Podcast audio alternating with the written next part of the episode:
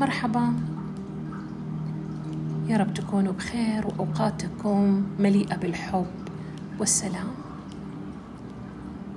مين فيكم يحب القراءة؟ مين فيكم شغوف بالقراءة واقتناء الكتب؟ اقتناء الكتب على فكرة ممكن يكون شيء سلبي وليس إيجابي بس إحنا مو بصدده اليوم. أنا من الأشخاص اللي لو تسألني إيش هوايتك ما ممكن أقول لك القراءة لأنه للأمانة ما كانت هوايتي ولا كنت قارئة. أصبحت قارئة بعد ما توغلت في المجال النفسي وفي الوعي. صرت أقرأ لأنه القراءة بتفتح لي أفق بتجدد علمي آه، بتوريني إيش المستجدات في هذا المجال فأصبحت أقرأ. لكن أنا هوايتي الكتابة. يعني أستمتع جدا في الكتابة. الآن أستمتع بالقراءة. ليش؟ للفوائد اللي أجدها آه، فيها ولأنه مساري المهني آه، يتطلب إني أكون قارئة ومتابعة طوال الوقت. لاحظت على نفسي في الفترة الأخرانية إنه ما عندي رغبة للقراءة. يعني فعلا بصدق أجد صعوبة في إني أفتح كتاب وأجد صعوبة أكثر في إني أقرأ صفحة في إني أقرأ نص صفحة. يوم يومين عديته لأنه طبيعي الإنسان أحيانا يخمل في أمور معينة لكن يوم يومين ثلاثة أسبوع ماشي الحال أكثر من كده لا في مؤشر معناتها إنه في شيء خطأ. ما اكتشفت إيش الشيء الخطأ اللي آه، في مسار حياتي غير للأمانة بعد فترة.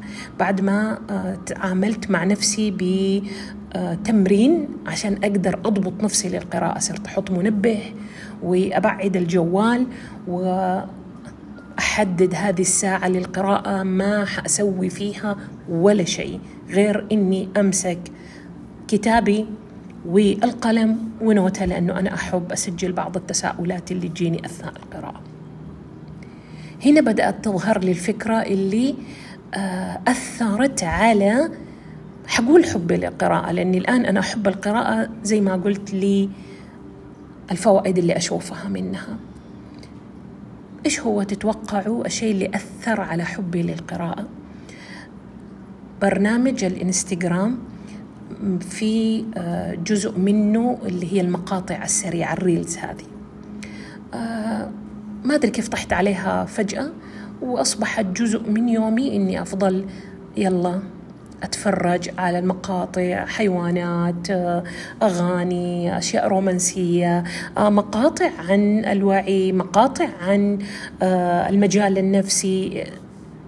مثله مثل أي برنامج وللأسف بدأ في برنامج التيك توك هذا الشيء وكل البرامج آه، ومواقع التواصل استعملت هذا التكنيك المؤذي جدا ليش مؤذي جدا؟ ودائما لما أتناقش مع آه، يعني من هم حولي في برنامج التيك توك اللي عاشقين له يدافعوا عنه باستماتة كأنهم أصحاب هذا آه، البرنامج حقيقي هو برنامج مدمر. وكل البرامج اللي فيها المقاطع القصيرة هذه جدا مؤذية. خلينا نعرف ليش مؤذية. لما أنا اكتشفت أني أنا ماني قادرة ماني قادرة أنجز في القراءة ماني قادرة أقرأ رغم أنا لي ما أدري كم سنة أقرأ يعني بمعدل كتاب كل شهر. يعني مو قادرة عدى علي شهر مو قادرة أكمل صفحة. فالإنجاز في المسار هذا ضعف بصورة مرة كبيرة.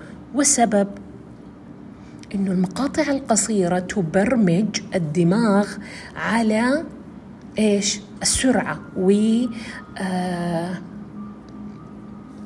الإنجاز خلينا نقول السريع جدا. يعني ما عندي صبر أنا أجلس أتفرج والله آه مقطع آه مثلا حلقة عن الاضطرابات النفسية عن آه، الهرمونات في الجسم. ما عندي صبر ما عندي صبر أتفرج حلقة كاملة ما عندي صبر آه، أسمع دورة أنا مسجلة فيها ما عندي صبر آه، أقرأ كتاب في فترة زمنية ما عندي صبر أقرأ كم صفحة في اليوم ما عندي وهكذا. ليش؟ لأنه هذه مقاطع قصيرة بتبرمج الدماغ على السرعة والوقت الزمني القصير في مشاهدة العديد العديد العديد من المشاعر فإذا في عندنا مجموعة من آه، الآثار الجانبية السيئة والمدمرة على المدى الطويل من المقاطع القصيرة أول شيء أنه تعودنا على الأشياء القصيرة فما يصير عندنا طولة بال للأمور اللي تحتاج وقت لإنجازها. هذا أول شيء. الشيء الثاني هي بتنقلنا من مود لمود. أنا فجأة بشوف شيء حزين فجأة بشوف شيء آه، يحتاج تركيز فجأة آه، أشوف شيء مؤلم فجأة أشوف شيء مفرح فجأة أشوف شيء مخل بالآداب فجأة فجأة فجأة كله كل ورا بعض ورا بعض ورا بعض ورا بعض. فالاستجابات العاطفية اللي أنا بأشعر بيها وبتفاعل معاها جسمي سريعة جدا وكلها مع بعض منوعة. فأنتم متخيلين إيش بيصير جوا الدماغ وإيش بيصير جوا الجسم؟ لأنه اللي بتشوفه العين بترسل رسائل للدماغ الدماغ بيرسل رسائل لبقية الجسم عشان يتفاعل مع اللي شافه. ففي استجابات عاطفية كثيرة ومنوعة في مدة قصيرة جدا. إذا كان المقطع لا يتجاوز مثلا الربع دقيقة أو الدقيقة فشوفوا في النص ساعة اللي بنجلسها كم مقطع بيمر علينا منوع وكم نوع من أنواع العاطفة بيدور داخل عقلنا وبيتفاعل معاه كل الجسم. النقطة الثالثة. لما يجي شيء في هذه المقاطع القصيرة وما يعجبني إيش أسوي؟ أرفع صباعي على فوق.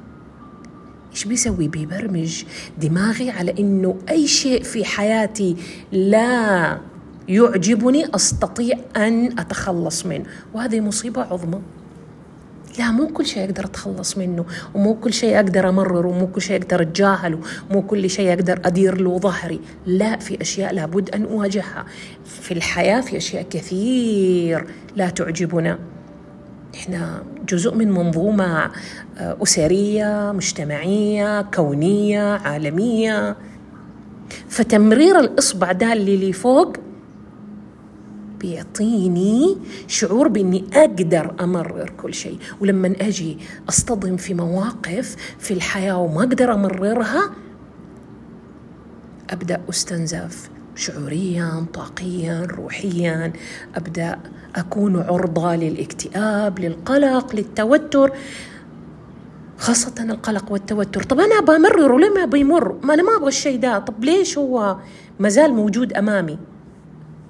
أنتوا تعرفوا أنه اللاواعي ما يميز بين حقيقة وواقع ما يميز بين آه، صح وخطأ ما يميز.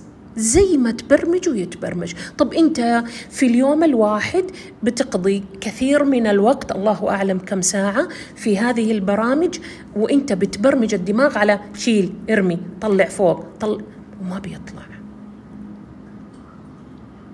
فبدأت تصطدم في الواقع. قلة تركيز كثير من الاستجابات العاطفية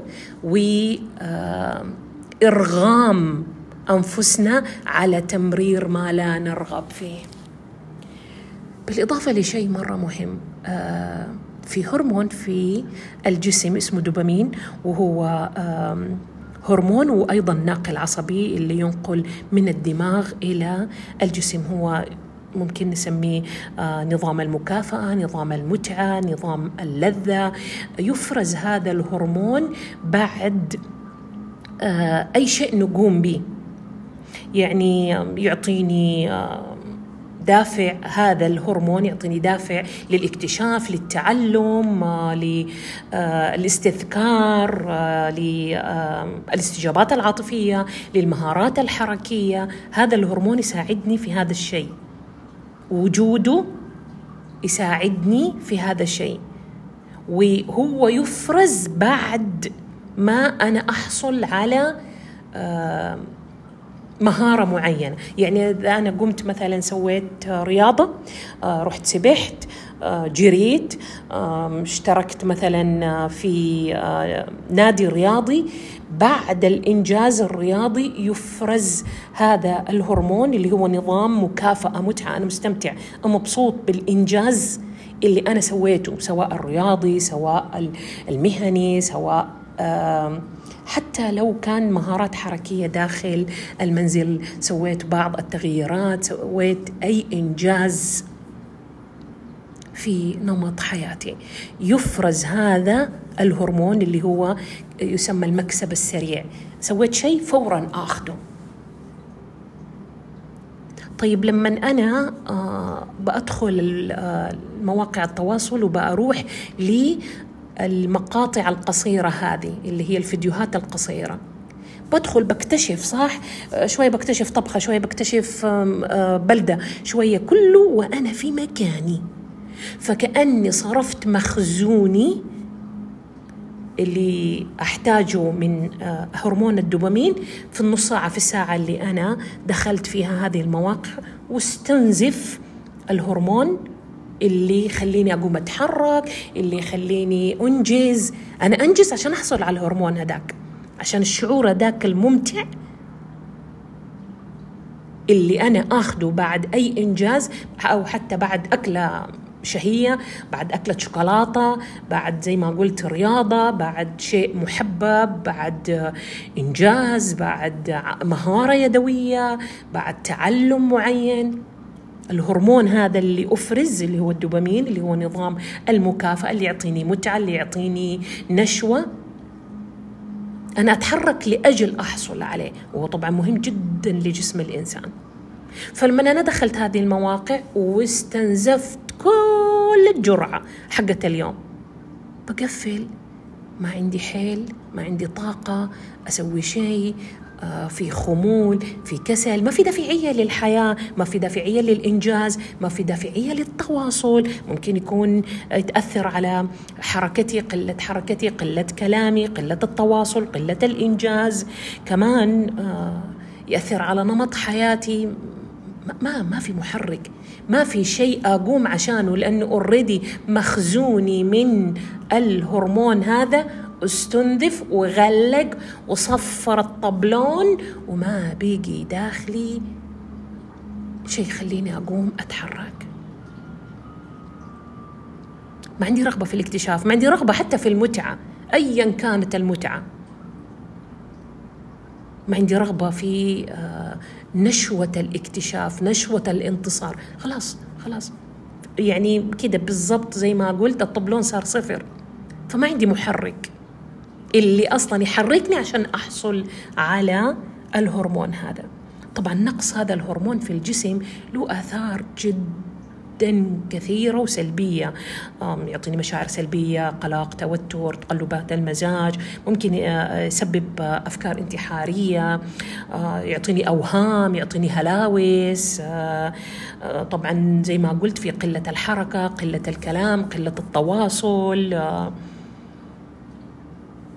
وكثير كثير كثير من الآثار السلبية اللي تأتينا من نقص هرمون الدوبامين اللي نقص بسبب إننا إحنا استنزفناه في المقاطع القصيرة وما صار في عندي مخزون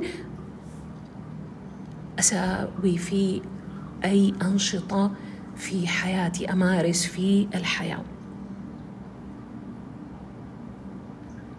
الشيء اللي يخليني أسوي رياضة الشيء اللي يخليني أجتمع مع أصدقاء الشيء اللي يخليني أسوي إنجاز أسوي برنامج آه، بقدمه في جامعتي في آه، مهنتي في آه، مساري في جمعيتي في أي مكان أنا أبغى ما في إنجاز ما في مهارة جديدة ما في تعلم ما في.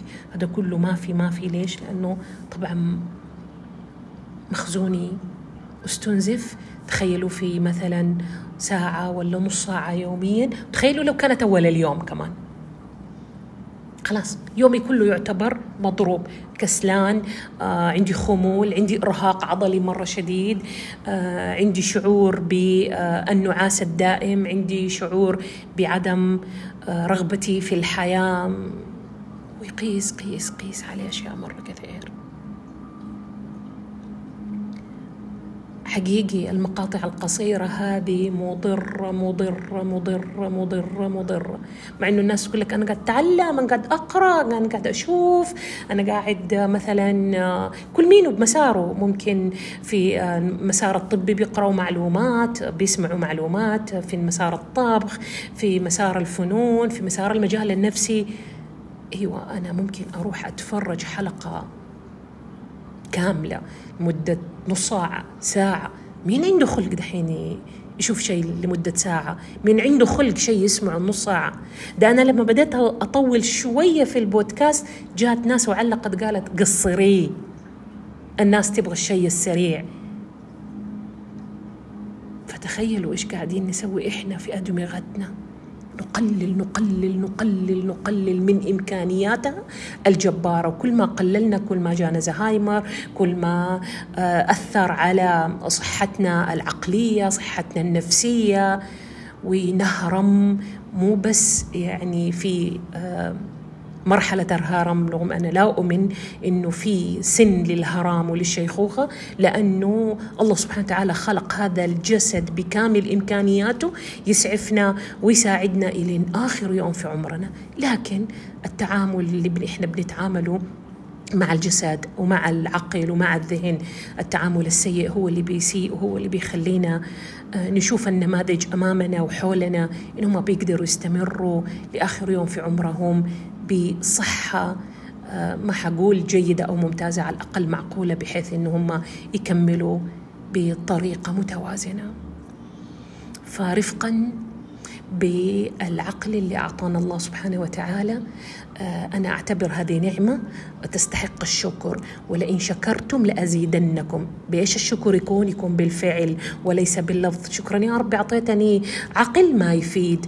شكري لنعمة العقل يحتاج أني أحفظ هذا العقل من المؤثرات السلبية. ما نقدر نقول مية في المية ما نقدر نقول نكون بمعزل وبمنأى عن المجتمع واللي موجود فيه لكن على الأقل نقلل نقلل نقلل ونقنن استعمال هذه المواقع والمقاطع والأشياء هذه وحتشوفوا فارق الإنجاز حيكون فارق في حياتكم.